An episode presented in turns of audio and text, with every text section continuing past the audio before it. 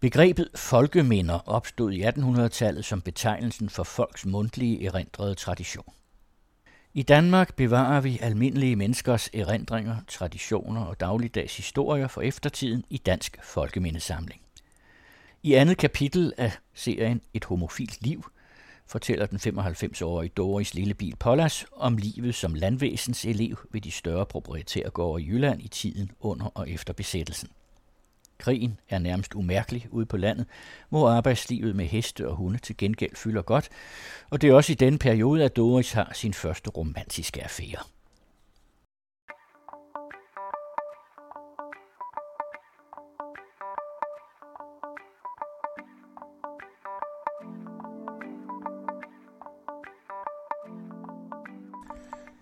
Jeg hedder Ole. Jeg er født i 1965, så jeg er 54 år gammel. Jeg er antropolog, og i et halvt år har jeg indsamlet beretninger til Dansk Folkemindesamling. Beretninger, der handler om at være LGBTIQA+, og om at være med i foreningslivet i Danmark. Og i den forbindelse har jeg mødt Doris, som er homofil og har lavet foreninger, så længe hun kan mindes. Det er noget mærkeligt noget, det med folkeminder en masse fortællinger, der lægges ned i samlingen, så de kan tages frem og væves sammen til en fælles beretning. En fælles erindring om, hvem vi er. Så nu ligger de der, i folkemindesamlingen. Og erindringen er afhængig af, hvad der bliver lagt på hylderne, og af, hvad vi henter frem. Og nu har jeg så taget fat i Doris' fortælling, og bringer den til tors, så den også kan blive vævet ind som en lille tråd i din erindring. I første kapitel hørte vi om Doris' opvækst som drengepige i Ringkøbing. Det er tydeligt, at Doris har en stor kærlighed til landbrug og til dyr. Og før vi går videre med andet kapitel og Doris' liv som landvæsens elev, kan jeg ikke dy mig for at læse et lille afsnit mere fra Radcliffe Halls roman Ensomhedens Brønd, hvor hovedpersonen kommer hjem til det fædrende gods og søger trøst hos sin hest Raftery. Derpå gik hun ned til stallene med sukker til Collins og en gulerod til Raftery. Raftery lå i sin rummelige, høduftende bås og ventede på Steven. Den vrinskede ganske sagte og så på hende med sine blide irske øjne, som om den ville sige, er du endelig kommet hjem til mig? Jeg har ventet så længe på, at du skulle komme hjem til mig. Ja, Raftery, svarede Steven. Nu er jeg kommet hjem til dig. Hun lagde sine stærke unge arme om dens hals og så talte de sammen. Ikke på engelsk og ikke på irsk, men på et stille sprog, der kun havde meget få ord, men mange små lyde og mange små bevægelser, der sagde mere end mange ord. Så det vil sige, at Doris, hun kan altså også spejle sig i hovedpersonens kærlighed til dyr i ensomhedens brønd. Og der har været mange heste og hunde i Doris' liv. Og nu må jeg hellere overlade ordet til Doris, som starter med at fortælle, om en af sine private hunde, som altså er privat i modsætning til de hunde, som hun har arbejdet med eller opdrettet. Og bare rolig, hun skal også nok fortælle mere om stuepigen. Mine hunde. Private hunde. Der var for eksempel en, jeg godt vil fortælle dig om. Lad mig lige se. Det er den der. Bare, bare lady. Og den er der nemlig det, jeg fortæller om at det var da jeg kom op til proprietæren, ah, ham med, med veninden, ham med, med stuepine. Og så er det jo sådan, at høflighed, så bliver man inviteret ind på kaffe og sådan noget om aftenen inde på kontoret. Men jeg sad i en sofa, og så kommer hans, hans kone hjem og tager sin jakke af og lægger den øh, på sofaen ved siden af mig eller sådan. Og så på en eller anden mærkelig måde, så har jeg vel sådan lige lænet mig og kom til at røre ved den. Haps, så sad den hund.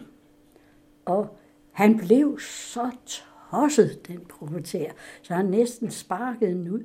Og jeg sad, skal jeg sige noget, skal jeg sige noget, kan jeg være bekendt at sige, at jeg lige kom og sagde, jamen her, det må de da ikke.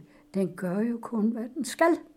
Ja, men den skulle Nå, så næste morgen, jeg kom ned i hestestallen, der lå den nemlig med valpe i en kasse. Jeg lod ligesom jeg overhovedet ikke så den. Den næste morgen, så gik jeg direkte hen til den, og snakkede med den, og så var vi forlovet, det kan jeg godt love dig. Og så, for eksempel, da vi kørte møg ud, der var jo folk til at læse. Det er jo ikke sådan som i dag, men med en læser og sådan noget. Det var jo håndkraft. Og så øh, sige, det der er en særens køl, og du har det, og hvad har du der gjort ved den? Jamen, hvad mener I? Jo, for jeg havde taget min jakke af, det var varmt, jeg havde lagt den på muren eller der. Og så var hunden gået hen og taget den og lagt sig ved siden af den. Og så for at drille den, så kom de jo med deres fork og deres sager. Så tog den jakken og gik ind i laden med den. Åh oh ja, det var en skøn hund. Og den lystrede mit mindste blik. Se, den vogn vil jeg lige vise dig. Vi, vi kørte grøntsager ind til Randers og, og solgte derinde og sådan. Nu kan se, jeg sidder der, og efter jeg havde været med, så var det bare mig, der blev sendt afsted. Så blev jeg sendt afsted, og det var i den vogn. Og det var så hyggeligt at komme ind til Randers. Der var jo ikke mere end 8 kilometer. For der var pigerne inde i den lille gade, hvad pokker hed den. Jeg ved godt, hvor den er. Det er sådan, nu kommer også. Men øh, Letty, den måtte jo ikke komme med. Men den var jo så klog. Vi var jo så kloge. Så den gik bare lige uden for porten og stod og gloede efter mig. Så når jeg kom op og drejede rundt, hvem kom? Det gjorde hun. Den ventede bare på, ja, så jeg tog den jo med alligevel. Og om efteråret, da vi, vi slagtede ind, og han, de havde ind, og vi slagtede, han sagde, Doris, du ved, hvordan det er, kan du ikke slagte ind? Jo, jo. Og det gjorde jeg så, og så lagde han sådan på eget række. Og min hund, den var jo ved siden af mig. Så kom han ind og skulle hente nogle ind, og den lagde sig over inderen. Så sagde jeg, Letty, det er godt, så kan du godt komme her. Det, det, det, det den sands kø, det, det, det, det, kan du så komme væk? Og så lå det morede mig indvendigt. Men det endte sørgeligt, for så kom forvalteren, da jeg skulle rejse, og sagde, ja, proprietæren siger altså, enten tager du hunden med dig, eller også bliver den aflivet.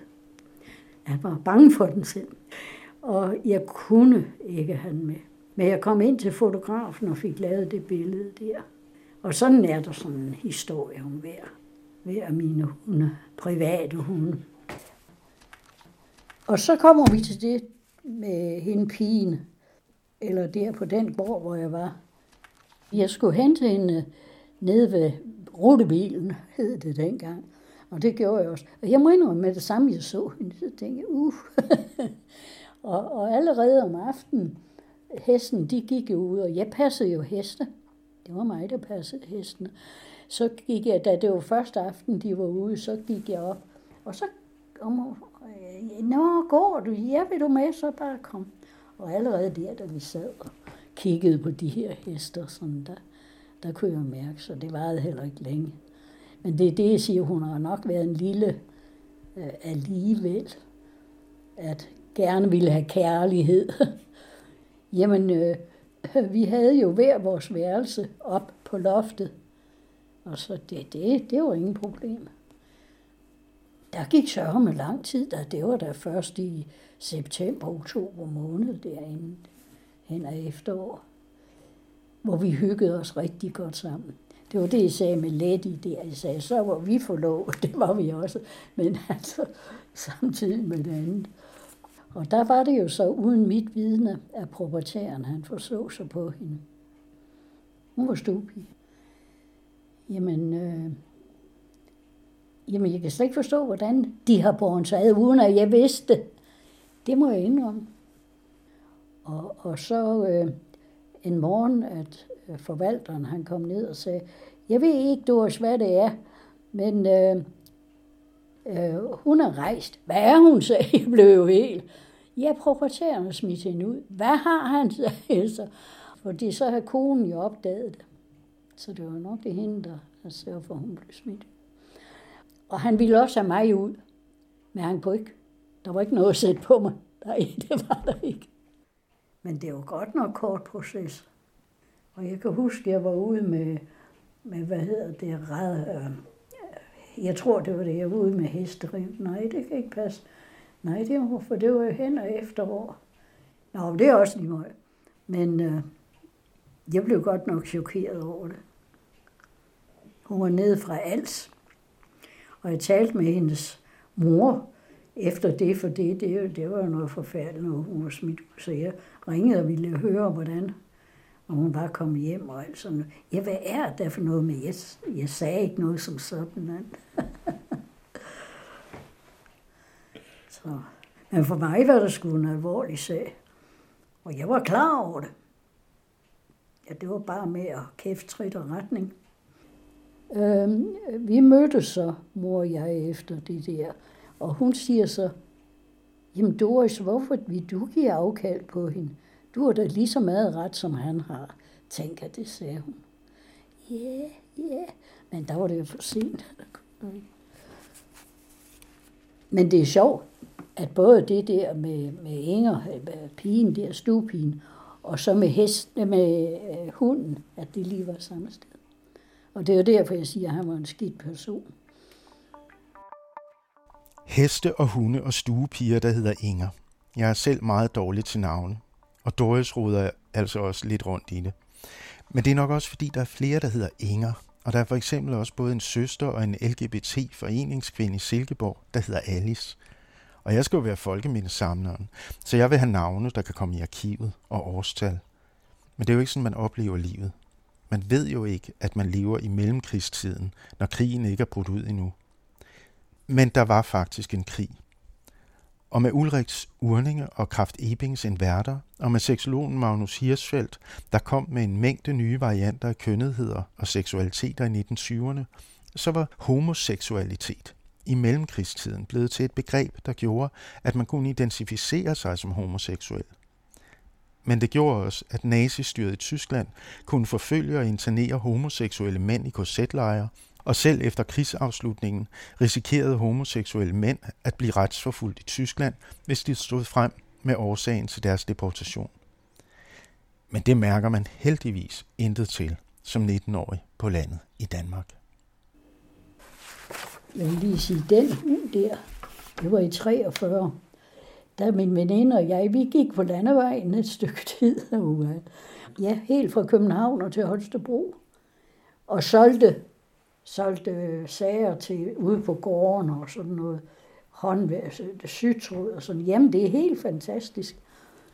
Og så på vejen på, på Sjælland, der pludselig så kom den hen til os, og vi kunne ikke rokke den af os. Så jeg ringede til politiet og sagde sådan, sådan. så sagde han, ja, men hvis I er gode ved den, så behold den bare, sagde de så. Så den travede med os helt op til Holstebro. Men så blev jeg træt. Så ville jeg hjem til min far og mor og, og i kontakt med dem. Og så kom jeg hjem. Men så kunne jeg jo ikke have hund med mig, så skulle jeg jo nok i job, så havde jeg nok fundet et job. Og så øh, far og mor, de overtog den så. Men altså, der gik jo i retning, det var jeg sådan set godt klar over, men det var jo ikke min hund i den forstand, så blev den aflivet færdig med den. Nå, så tog jeg det job. Det var også en meget sjov oplevelse. Det var i nærheden af, hvad hedder den by? Højer. At man var til fest. Det var nemlig politisk også, jeg var derinde samtidig. Der skulle man gå over marsken og det var jo livsfarligt, for der var jo en masse grøfter og sager. Så øh, der lå bræt, og så skulle man, jeg havde lommelygt, og så fandt, hvor der var håbet, at brættet det lå, hvor det skulle, ikke? Jamen, der var man jo ung, der var man jo ikke bange for noget. Og så havde jeg aftalt med mine værtsfolk, at de skulle sætte lys i vinduet, så jeg kunne se, for det var bælragende mørkt, ikke? Så det gjorde de også. Og så flyttede de til en stor gård op ved Visby. Og der var jeg jo også i huset det første halve år. Men så blev han taget af tyskerne også. Og så var hun jo alene med madammen der. Og, og så tænkte om ikke jeg godt kunne tænke mig at blive formester om vinteren og passe de kreaturer, de havde. Jo, det gjorde jeg så. Og der, det var jo så under krigen. Og der havde vi ikke ret langt derfra, der havde vi en øh, jernbaneoverkørsel. Og der satte de en tysker til at passe det, men det var en ældre mand. Og så var vi en nabo, veninde og mig, og vi gik hen, og vi var ligeglade. Det, vi burde jo ikke gøre det. Men han var så glad for at snakke med os. Og her Gud, den gamle mand.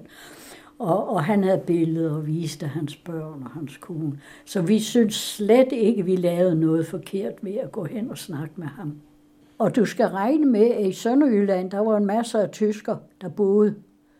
Blandt andet en, en nabo til den der, hvor han var tysker og sådan, men jeg kom alligevel sammen med hende og sådan. Det var, det var lidt anderledes. For nu har Alice, og det vidste jeg ikke, min søster altså, fortalt mig om krigens tid, hvor, hvor hun var i København og læste, skulle læse teorist også, om det, hun har oplevet der, og sagde, ved du hvad, Alice, jeg er helt flov, som noget har jeg jo slet ikke oplevet. Og da de endelig skulle flygte, der soldaterne skulle trave, du kan godt huske, de skulle trave ned, så havde jeg kontakt med en, og han butter, butter, butter, spurgte han om. Så aftalte med ham, at jeg ville komme den næste dag. De slog dig et eller andet sted. Men så skulle jeg have en revolver af ham. Den aftale lavede jeg. Jeg skulle nok skaffe smør, og så skulle jeg, ja, ja, ja, ja. Den næste dag, da jeg kom, der var de jo sendt videre, så jeg fik sgu ingen revolver. Hvad skulle du med en revolver? Ja, det... Du ved... Ja. Du kunne lide mekanik? Ja, nej, men altså... Eller maskiner, som den, det nærmeste, jeg har haft, det er jo en salonrifle. Og der har jeg desværre måttet skyde en hund også. Og har gjort det med glæde, eller altså misforstå mig ret, for det, det skulle, den skulle væk. En, der var kørt over og sådan noget. Herregud. Og jeg har da også passagersadel til, at jeg kan rejse fra Ringkøbing til Holstebro under krigen. Der skulle vi jo have sådan en sædel, ikke? Og fordi der havde jeg taget job op på en øh, kafeteria, der var deroppe. Men øh, det var en, og hun lavede fin chokolade. Og der kom officererne, tyske officerer, men det var jeg da glad med. Jeg bare jeg fik mine penge. Ikke? Og det var sjovt, vi fik at vide den første dag, du må spise alt det chokolade, du har lyst til. Bare spis, og jeg spiser. Ved du hvad, der gik otte dage så gad man overhovedet ikke. Så, så det var en god politik. Ja. Men der skulle jeg jo køre med tog, så. Men du skal regne med, at det var officerer og sager, der boede. Det var et fornemt sted, indtil krigen var slut. Så var det også slut med hende. Så blev hun selvfølgelig taget. Mm. For jeg kan se hende for mig. Hun var en flot kvinde, det var hun altså. Meget flink og sådan. For du skal regne med, om vinteren, der boede jeg hjemme hos far og mor. Eller havde et job, for eksempel jule, juleassistancejob eller sådan et eller andet. Jeg altid skulle lave noget. Jeg havde en skolekammerat, og, og hun boede ikke ret langt fra mig. Og, og så kom hun til København og lavede leklint, lampeskærme. Og det var hende, der kom hjem en gang og sagde hun, Doris, ved du hvad, og i København, der er noget, der hedder Admiral Kron, og der kysser pigerne hinanden. Hun var ikke selv sådan, men hun var helt bare det. Og så tænkte jeg, nu skal jeg til København, og nu skal der ske noget. Så der har jeg jo altså været fuldt bevidst om, hvordan og hvorledes. Og, og der var det så, det var nok ikke mere end et par måneder, så søgte jeg job og, og kom til København. Og så var det heller ikke længe, inden jeg var oppe i Admiral Kron, og så kørte det bare. Og så søgte Hotel Terminus buffet-elev, sådan var det, buffet-elev. Ja, når jeg er i København, så kan jeg ikke lade være at skabe derovre, for det ligger jo lige over for, det er det, der hedder Hotel Plaza, og nu hedder det noget andet også, så vidt jeg ved. Så, men der var vi, øh, boede man deroppe, og der skulle man forbi en portner. Man kunne ikke sådan rende ud og ind, man skulle forbi en portner. Og men han var nu meget sød, han gav jeg lidt en gang imellem. Så. Så, så, så lagde han ikke mærke til, at det var en pige, jeg havde med op for. Krigen er slut, og Doris, der ellers har en fremtid i landvæsenet, flytter til København og bliver buffet-elev, så snart hun hører om kvinderne, der danser og kysser med hinanden på Admiralkronen. I tredje kapitel kommer vi til at høre mere om Admiralkronen og om, hvordan foreningsmennesket ikke fornægter sig, når der skal arrangeres fester for forbundet af 1948 i Ølandshus på Amager. Og stuepigen og proprietæren, mirakeltræneren fra Jylland, kommer som mænd også på en enkelt gæsteoptræden.